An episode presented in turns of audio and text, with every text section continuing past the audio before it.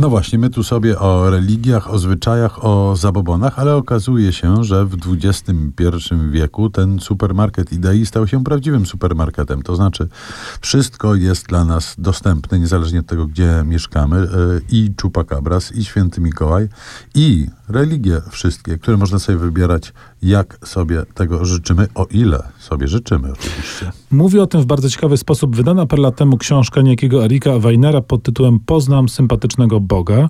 To jest rzecz, która no, brzmi filuternie, jak sam tytuł usłyszymy, natomiast jest całkiem poważną próbą zmierzenia się z różnego rodzaju propozycjami religijnymi. Autor, narrator, reporter opowiada o takim swoim, no, w miarę skrajnym doświadczeniu, kiedy to ląduje w szpitalu, to budzi y, pewne refleksje co do pewnych ostatecznych spraw i zaczyna próbować różnych systemów religijnych i po kolei próbuje sufizmu, buddyzmu, chrześcijan katolicyzmu w wersji franciszkańskiej, realianizmu, taoizmu, religii Wicca, czyli takiego współczesnego czarostwa, szamanizmu i wreszcie na końcu kabały, spotykając się z ludźmi, próbując przejść na stronę tej religii i wychodzi z tego taki ciekawy, no nie tylko, nie tyle miszmasz, ile pewna komparatystyka tego, co różne religie oferują współczesnemu człowiekowi. No tak.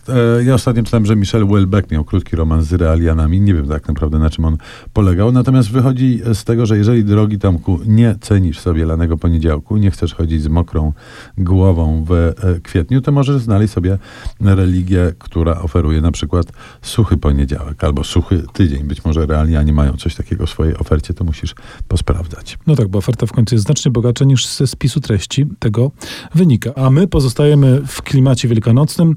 Czas na kluczowy element tego święta, czyli jajko. A jajko przecież było bohaterem, jednym z głównych bohaterów filmu Kotu w butach. Rodrigo i Gabriela i utwór Diablo Rojo.